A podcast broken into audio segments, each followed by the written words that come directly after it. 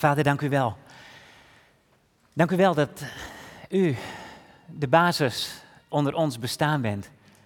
Liefdevolle Vader, u die naar ons kijkt en met ontferming bewogen bent en die ons genade geeft. Heren, dank u wel dat we uw woord mogen gaan openen. Als wij zo samen voor uw troon zijn gekomen in aanbidding. En u ook willen vragen, Heere God, laat ook deze tijd waarin u wilt spreken door uw woord aanbidding zijn. Heere God, open onze harten. Laat onze aandacht onverdeeld voor u zijn. Zoals u volledig betrokken bent op ons leven. Heilige Geest, wilt u spreken en wilt u ons ja, bewerken naar uw beeld. Kom tot uw doel en schenk leven, eeuwig leven. In Jezus' naam. Amen. Amen. Ja. Wat een prachtig lied, hè? Genade, zo oneindig groot dat ik, die het niet verdien, het leven vond, want ik was dood en blind. Maar nu kan ik zien, kan ik zien. Ik werd van de week gebeld door uh, Fries Dagblad was het, met het oog op vanavond. Ze hadden begrepen dat we vanavond ook weer zullen spreken over ja, wat gebeurt er in deze wereld en waarom verwachten wij de Heer Jezus ook zo spoedig. En omdat de, ja, de thematiek waaraan we dit willen koppelen, het thema waaraan we het willen plakken, alle avonden die de Heer ons in zijn genade hopelijk nog gaat geven, omdat we die hebben laten zijn, wees klaar, want de koning komt. Dat is aan ons gegeven. Ben je er klaar voor om je koning te ontmoeten? Dat de journalist me de vraag stelde, ben jij er klaar voor? Ik oh ja, goede vraag. En ik mocht zeggen, ja, dankzij hem. Dankzij hem. Ik zou nooit kunnen zeggen dat ik er klaar voor ben, als het, als het aan Jacob Volkers ligt. Maar wat we net gezongen hebben, mensen, dat is evangelie. Het is genade. Zo oneindig groot. Dat ik, die het niet verdien, want dat is genade. Jij krijgt iets wat je gegeven wordt. En waar je eigenlijk niets tegenover kunt stellen. Nou heer, ik betaal het wel een keer terug. Ja, ik heb straks de eeuwigheid. De heer zegt, nee jongen, dit ga jij niet terugbetalen. Ik geef het je. Het enige wat ik wil is dat jij jouw lege handen uitsteekt en mij om hulp vraagt. En dan geef ik je het leven weer. En ik alleen kan die prijs betalen. Dat we dat mochten ontdekken in ons leven. En dan tegelijk ook, broers en zussen, wetend, ik was dood. Ik was dood. Ik dacht dat ik leefde. Want ik ademde. En ik kon een boterham naar binnen werken. En ik ging relaties aan. En ik dacht dat ik leefde, maar ik was dood.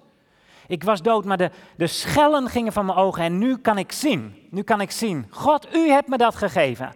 Genade, genade, genade. En dat maakt, als wij hier vandaag zijn, dat de Heer alleen maar onze dankbaarheid aanvaardt.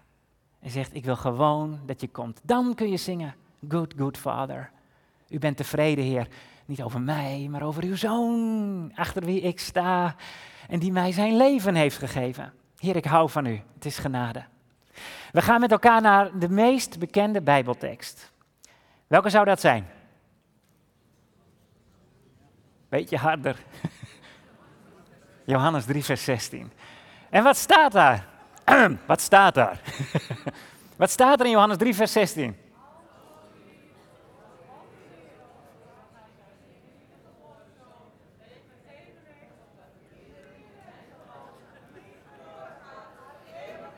Yes, yes. Heeft u het gehoord? Tien punten. Tien punten. Ik was van de week op school, daar hadden wij een eh, meeting met de ouders. Er werd een lezing gegeven en er komt een van die ouders, die ziet een dominee en die komt dan bij je en die zegt... Maar dominee, wat staat er in Johannes 3 vers 10? ik wil hem eerst aan u vragen nu. Want ik moest ook iets te lang nadenken, toen kwam hij al. Zijt gij een leraar van Israël en weet gij dit niet? Dat staat in Johannes 3, vers 10. Mensen, we gaan een gesprek lezen wat Jezus voert met een fariseer die zeker had moeten weten wat er in de Bijbel staat, maar die schellen voor zijn ogen heeft en die nog dood is. Ik begin in hoofdstuk 2. Jezus heeft uh, eh, 600 eh, liter wijn gemaakt van water en heeft het tempelplein al een keer leeggeveegd. Dat gaat hij over drie jaar nog een keer doen, want dit is het begin van zijn bediening. En dan staat er, niemand hoefde hem iets te vertellen over de mensen. Want hij wist wat er in de mens omgaat. En zo was er. Oh, wacht, ik vergeet een paar teksten. Mag ik ze even zien? Een aantal woorden. Ja, daar begin ik. Toen Jezus op het Pesachfeest in Jeruzalem was, kwamen velen tot geloof in zijn naam, omdat ze de tekenen zagen die hij verrichtte.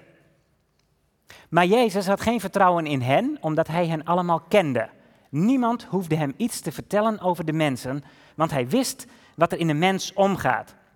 Zo was er een fariseer, een van de Joodse leiders met de naam Nicodemus. Hij kwam in de nacht naar Jezus toe. Rabbi, zei hij, wij weten dat u een leraar bent die van God gekomen is. Want alleen met Gods hulp kan iemand de tekenen verrichten die u verricht. Jezus zei, werkelijk, ik verzeker je, alleen wie opnieuw geboren wordt, kan het koninkrijk van God zien. Hoe kan iemand geboren worden als hij al oud is? vroeg Nicodemus. Hij kan toch niet voor de tweede keer de moederschoot ingaan en weer geboren worden? Jezus antwoordde: Werkelijk, ik verzeker u, niemand kan het koninkrijk van God binnengaan, tenzij hij geboren wordt uit water en geest.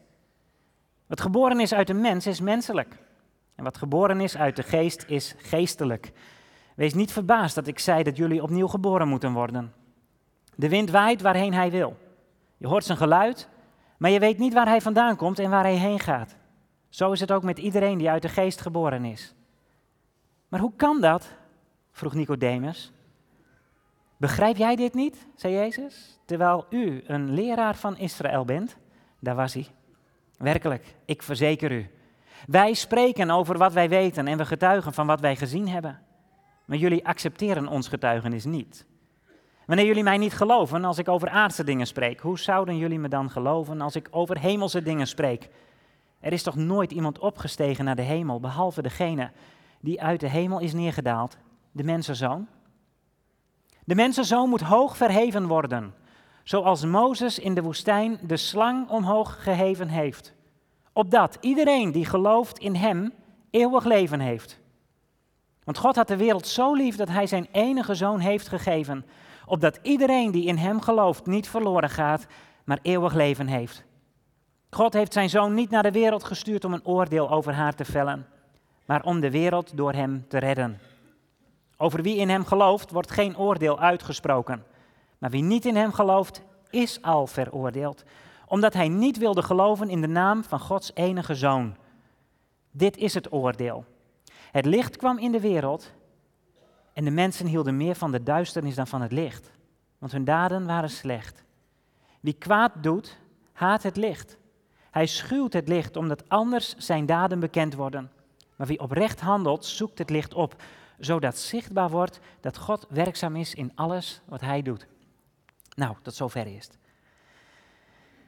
Ja, de meest geciteerde tekst, ik denk in heel de Bijbel.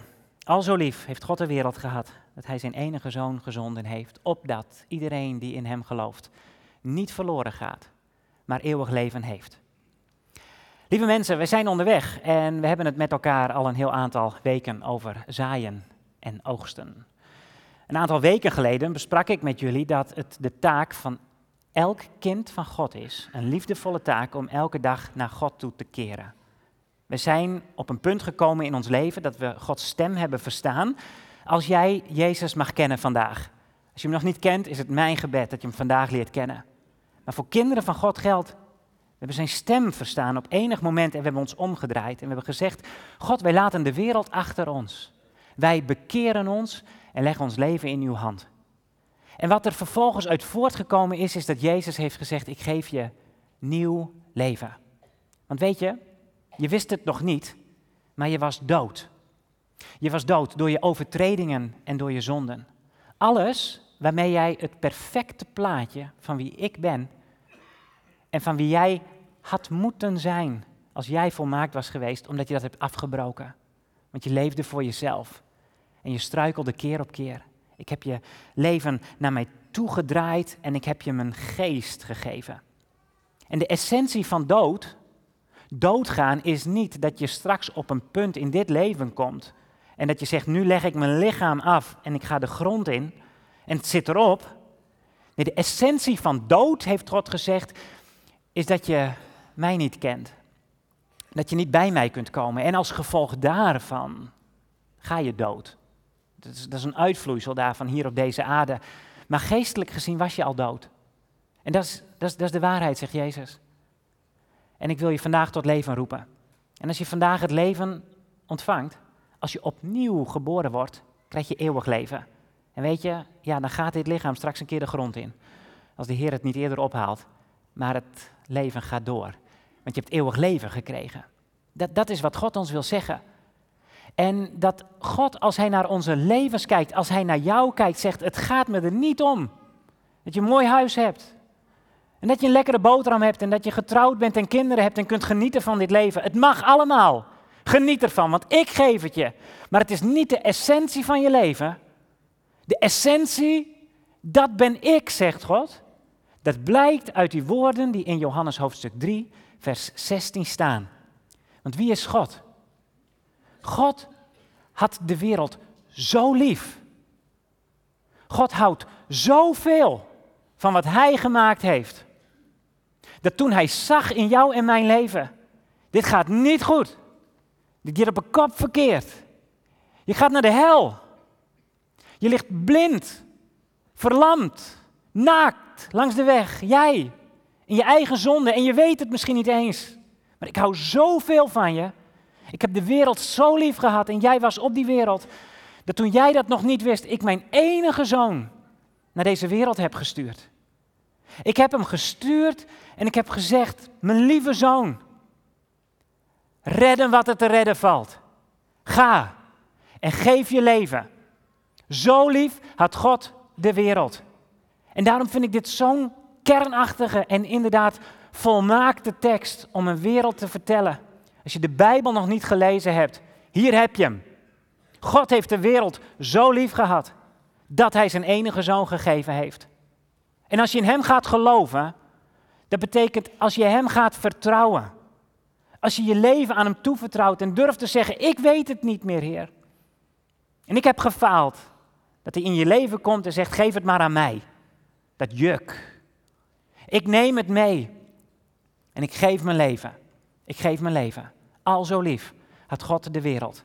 Het hangt toch mooi langs de kant van de weg soms op grote billboards. Als ik op het station in Zwolle kwam, hing het boven de uitgang als ik naar het perron liep van die tunnel daaronder door.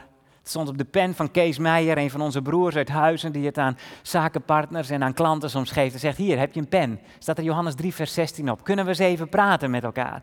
Wat is er meer dan zaken in dit leven? Lieve mensen, het zijn woorden die God ons geeft en waarbij Hij zegt, ga erop uit. Ga erop uit en vertel de mensen wie ik ben. Vertel de mensen wie ik ben. Want weet je, er zal een tijd komen en dan zullen de mensen zeggen, God is liefde. En God is liefde betekent, hij zal niet oordelen. Hij zal niet straffen. Maar mensen, dat zou haaks op Gods woord staan. Want hier staat iets bij. Al zo lief had God de wereld dat hij zijn enige zoon gegeven heeft, opdat iedereen die in hem gelooft, eeuwig leven heeft. Dus God legt wel een voorwaarde aan ons voor. Als je mijn zoon niet hoeft, dan wijs je ook mij af. En dan ga je naar een ander koninkrijk. En dat is dood. Dan zul je mij niet hebben. Dan zul je niet leven, maar sterven. En ik denk dat het een eeuwige dood zal zijn. Waarin we niet vergaan in onze ziel, waarin we zouden zeggen: Ik heb de boot gemist, omdat ik Gods zoon heb afgewezen. Dit leven hier geeft God ons om erop uit te gaan en de mensen te zeggen: God houdt van je. God houdt van je. Als God zegt: Ik hou van de wereld, en je leest het Evangelie van Johannes, dan zegt Johannes ons trouwens heel vaak: Ga niet op in die wereld. Uh, weet wel dat de wereld je zal haten.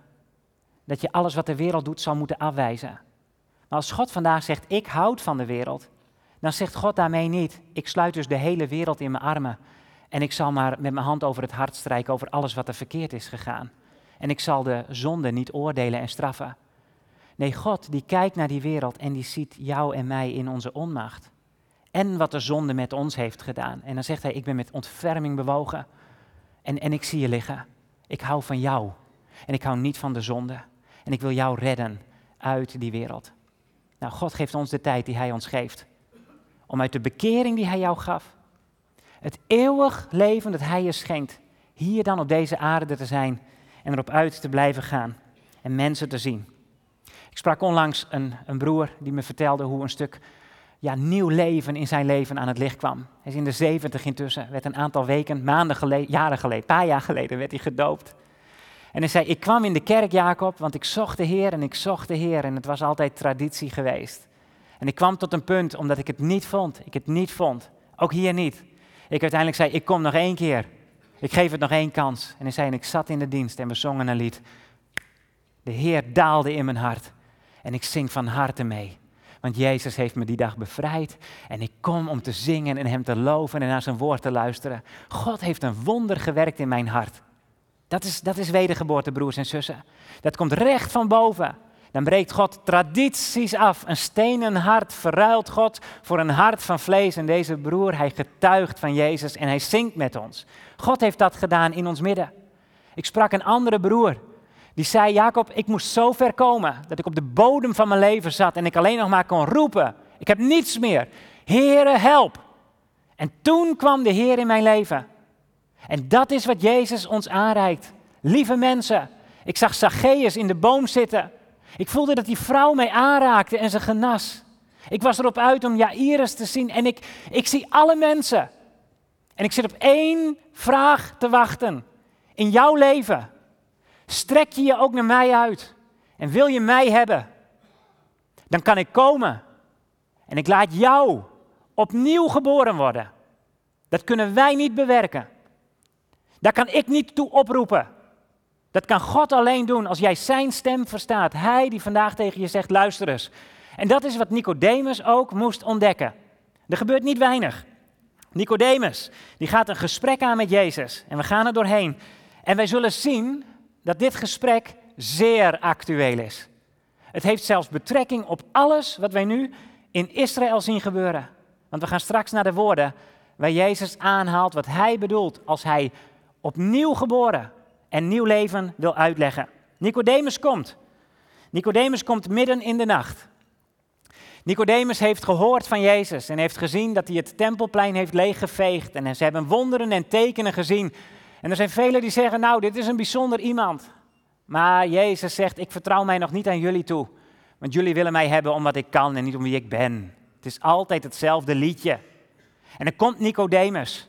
En Jezus kent ook Nicodemus. En Nicodemus zegt: Rabbi, zei hij, wij weten dat u een leraar bent die van God gekomen is, want alleen met Gods hulp kan iemand de tekenen verrichten die u verricht. Zo, zo komt Nicodemus midden in de nacht. Waarom kom jij s'nachts, Nicodemus? We lazen die laatste verse. Het licht kwam in de wereld, maar de mensen hielden meer van de duisternis dan van het licht, want hun daden waren slecht. Nicodemus, durf jij soms niet? Durf jij niet in het licht naar Jezus toe te gaan, omdat je bang bent dat de mensen zullen zeggen, wat doet Nicodemus daar bij Jezus? In elk geval, hij komt. En hij zegt, Rabbi, hij houdt Jezus nog op afstand. Wij weten dat u van God gekomen bent. Vind ik zo mooi, hè? Als wij het soms even niet meer weten, dan kijken we om ons heen. Ben ik ook alleen of niet? Nee, er zijn meer die dit ook geloven. Nou, dan ga ik en dan zeg ik, nou wij, wij weten dat u van God gekomen bent. En dan kijk je om je heen, maar met, met wie ben jij hier dan, Nicodemus? Je bent alleen, jongen. En typisch Jezus, hè? Jezus zegt dan niet, oh wat fijn dat jij dat ziet, Nicodemus. Oh, eindelijk iemand die het bevestigt. Inderdaad, ik ben van God gekomen. Nee, Jezus gaat meteen naar de kern van de vraag die Nicodemus heeft te stellen. Nicodemus is met de vraag bezig, is dit de Messias? Gaat het Messiaanse Rijk nu aanbreken? Gaat de zoon van David heersen op de troon in Jeruzalem? En gaan we eeuwige vrede krijgen? Dat zijn de vragen die hieronder liggen. En Jezus kent Nicodemus, want hij weet wat er in zijn hart is. Hij zegt, Nicodemus, jongen, wij weten, wij weten dat u van God... Jij weet helemaal niks. Nicodemus, jij met je goede gedrag. Jij dacht dat jij niet verlamd was? Dat jij niet blind was? Dat jij niet dood was? Laat me je iets vertellen, Nicodemus. Alleen wie opnieuw geboren wordt, die kan het koninkrijk van God zien. Nicodemus.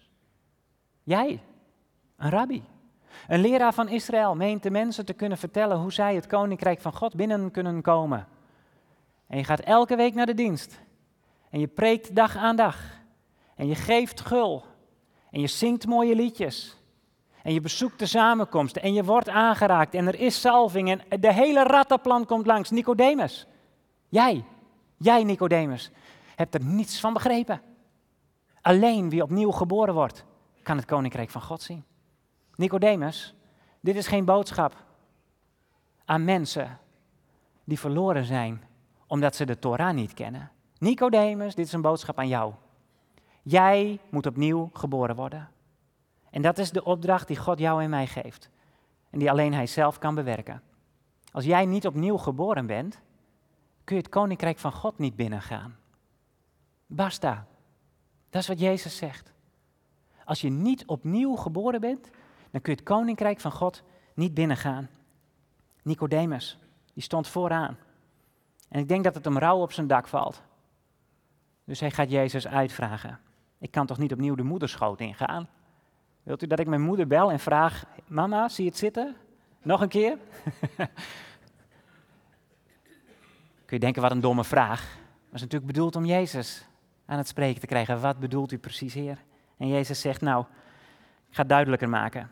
Niemand kan het koninkrijk van God binnengaan tenzij hij geboren wordt uit water en geest. Nicodemus. Gaat er een belletje rinkelen, Nicodemus? Jij die een leraar bent van Israël. Wees niet zo verbaasd, joh. De geest waait waarheen hij wil. En dan bedoelt Jezus, als mensen mij hebben leren kennen, dan spreken ze soms een andere taal. En ik denk dat jij en ik dat meemaken in de wereld als kinderen van God. Dat we niet meer op dezelfde golflengte zitten als onze kinderen die de Heer nog niet kennen. Of als onze collega's die zo'n ander leven leiden en ons om zeggen, waar zit jij helemaal? Wat houdt jou dan in de greep? Dat Jezus zegt, ja, als je mijn geest hebt gekregen, dan begrijp je het. Maar Nicodemus, jij pakt hem nog niet. Dus ik confronteer je met mijn eigen woord.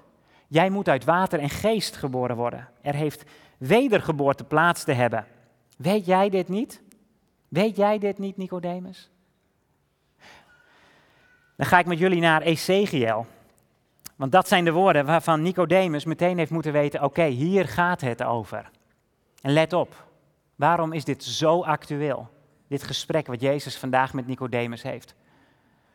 Omdat de Heere God in Ezekiel 36, en vanavond zullen we ook kijken naar 37 en 38, vertelt dat er een godswonder gaat plaats hebben in de geschiedenis.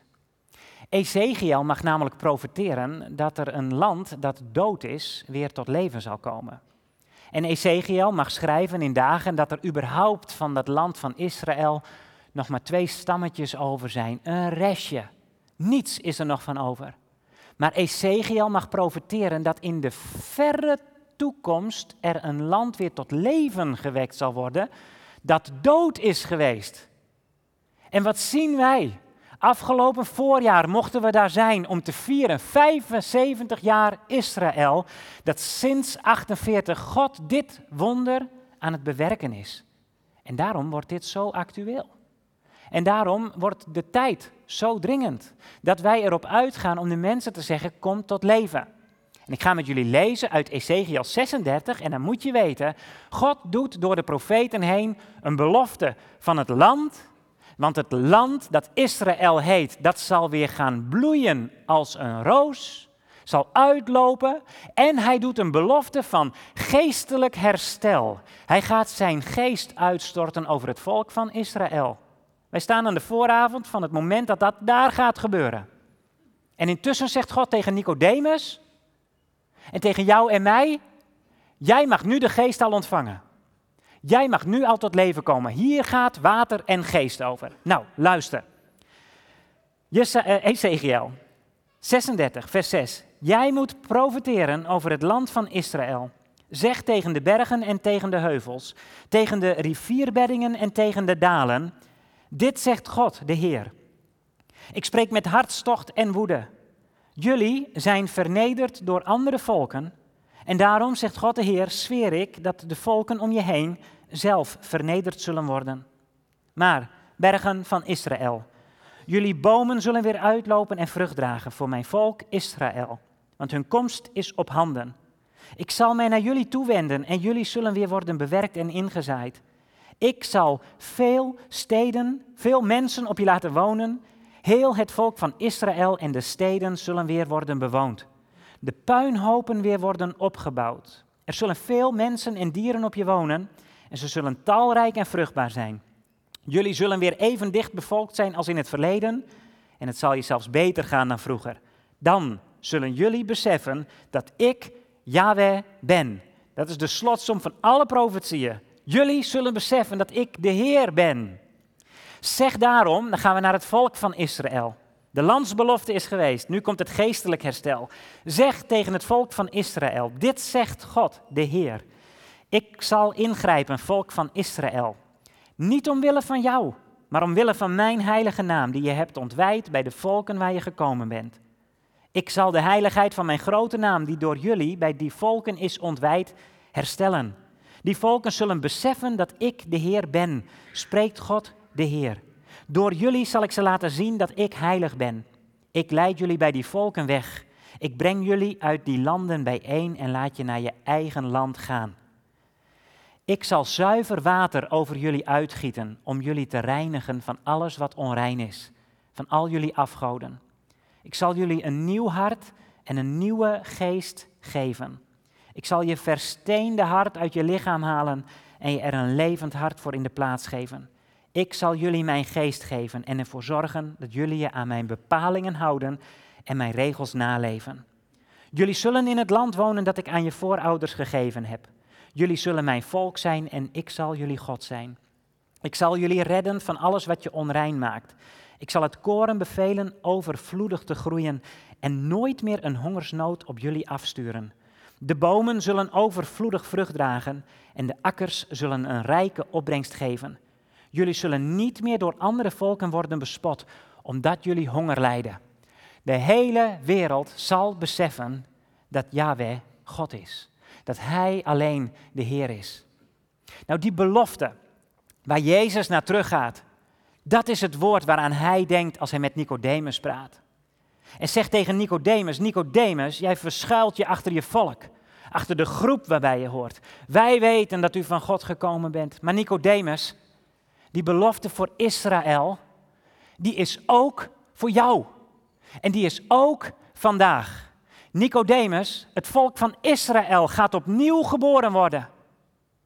En je gaat het meemaken. Je zult het zien. En het gebeurt in onze dagen. God is trouw aan zijn woord. Dit is een onvoorstelbaar wonder. En nu de benauwdheid toeneemt, weten we, God heeft ook gezegd, ik zal uitredding brengen.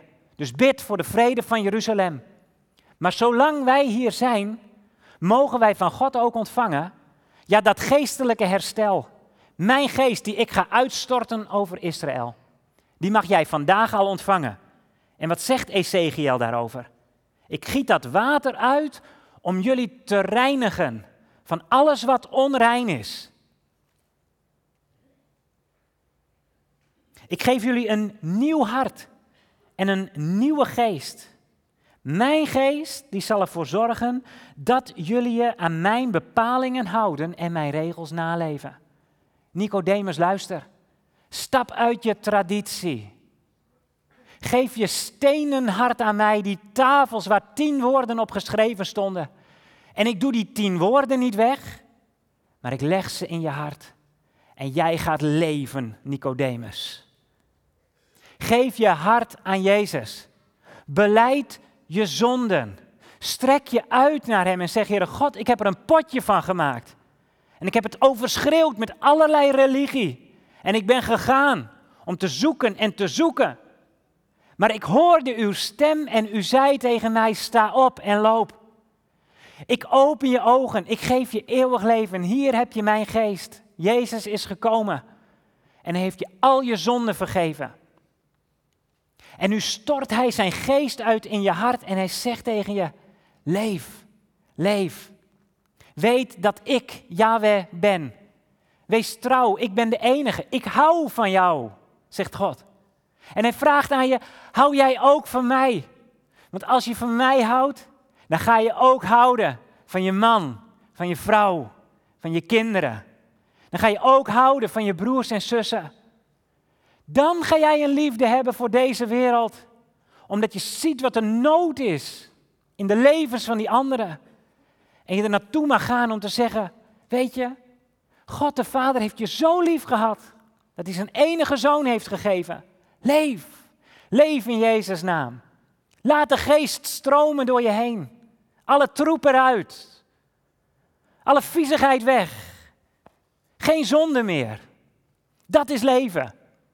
Weet je, als het woord opnieuw geboren zijn soms opgepakt wordt en ik lees en ik hoor dat christenen tegenwoordig exact hetzelfde doen als wat er in de wereld staat, gebeurt. En, en we hebben dezelfde gedragingen, we wonen op dezelfde manier samen, we richten op dezelfde manier ons seksuele leven en we vullen op dezelfde manier onze belastingformulieren in. En we zouden christen zijn, dan moet ik vandaag zeggen, dat kan absoluut niet. Als je opnieuw geboren bent, dan heb je afscheid genomen van die wereld en dan stroomt Gods geest door je heen. En dan zeg je, ik ben een eerlijk mens. En ik, ik mag mijn leven leven door de geest. Ik ga niet meer in eigen naam. Daarom vandaag nog, als je dit niet hebt gedaan, bekeer je en strek je uit naar Jezus en vraag Hem daarom. Heilig je hart, reinig je leven, laat de geest stromen. Want we kijken naar Israël en we zien dat de tijd nadert waarvan God zegt wie heilig is, laat hij nog heiliger worden. En wat onrein is, dat zal nog onreiner worden. God heeft ons een geestelijke belofte gedaan.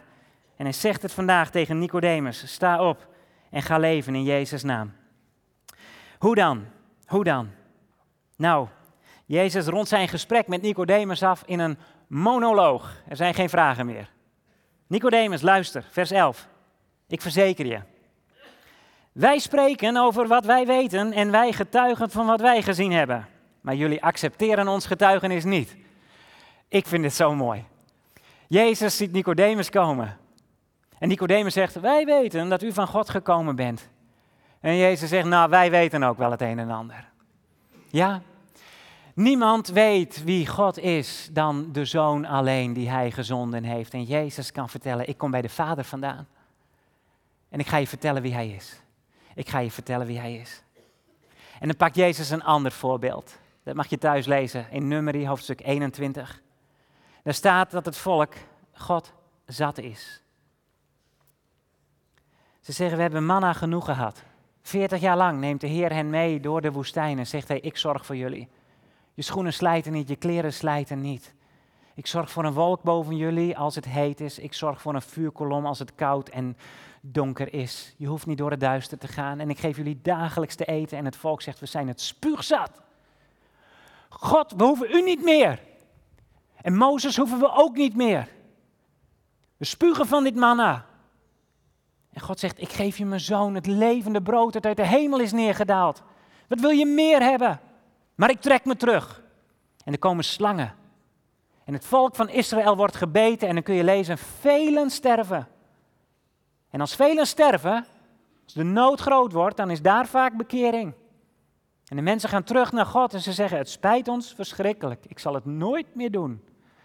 En God zegt, Mozes, jij moet een slang maken. Een slang van koper.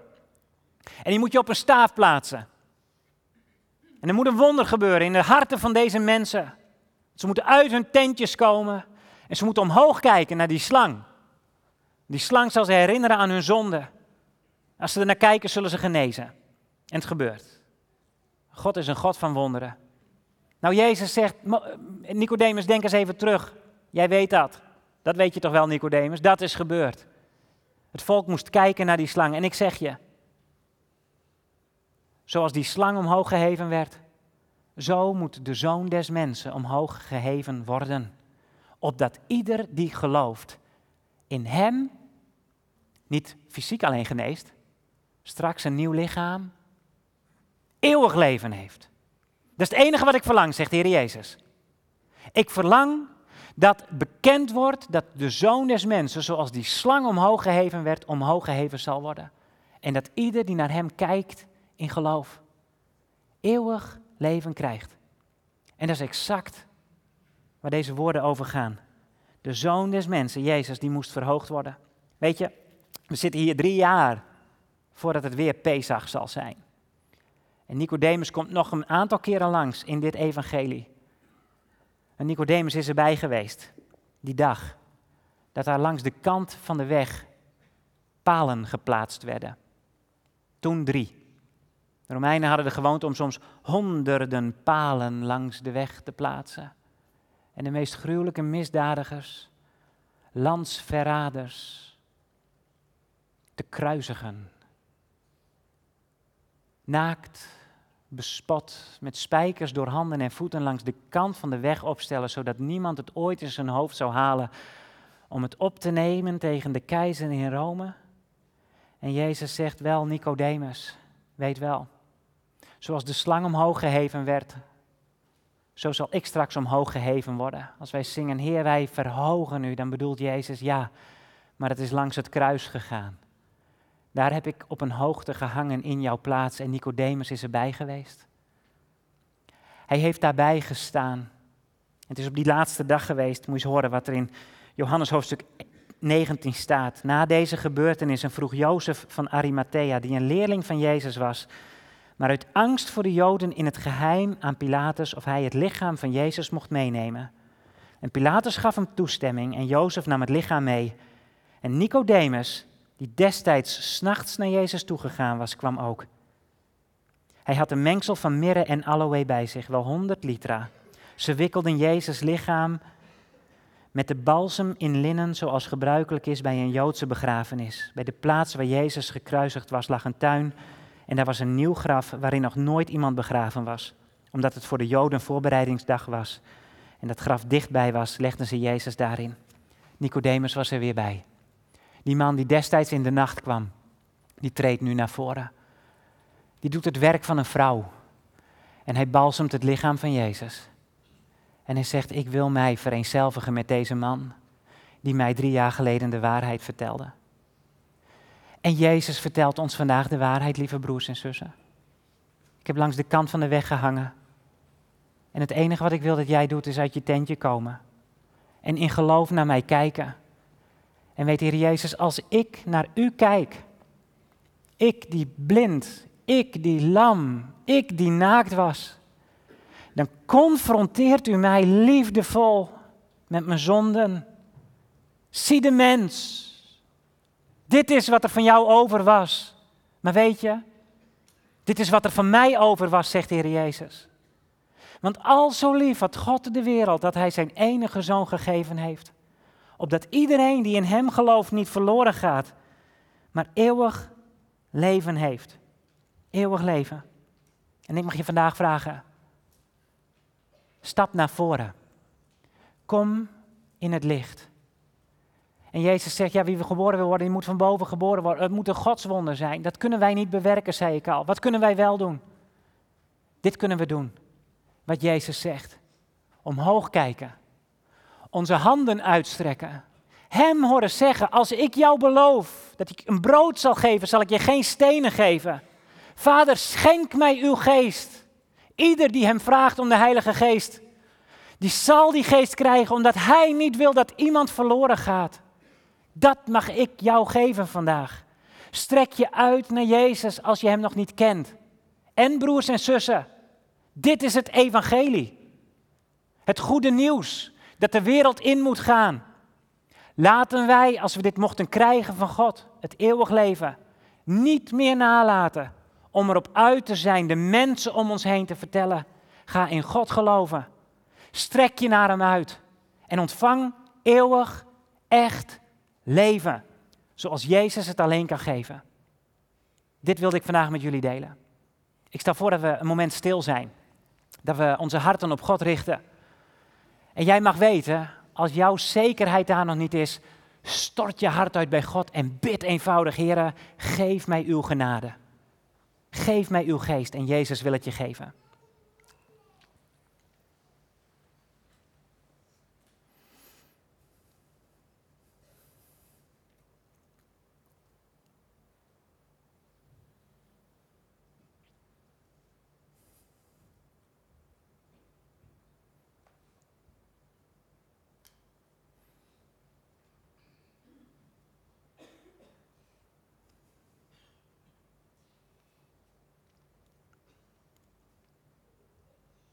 Heer Jezus, dank u wel dat u hier bent. Dat u de dood en het dodenrijk hebt overwonnen. Dat er een geweldige belofte voor ons ligt. een eeuwig leven en een landsbelofte op een nieuwe hemel en een nieuwe aarde. En dat u ons dat eeuwig leven, het geestelijk leven, vandaag schenkt door uw grote genade. Heere God, wij bidden u. Heilige Geest, stort uzelf uit in onze harten. U hebt onze gebeden gehoord en u bent een verhoorder van gebeden. En mogen wij vanuit het leven dat u ons geeft, overstromen van uw genade. En mag er nog een wereld bereikt worden. De mensen om ons heen. En geef ons veel vrijmoedigheid. Heere God, bouw uw kerk. Breng heling en herstel. Geef nieuw leven. Omwille van uw naam. Zodat de wereld zal weten dat u alleen God bent. We prijzen uw naam. Halleluja. Amen.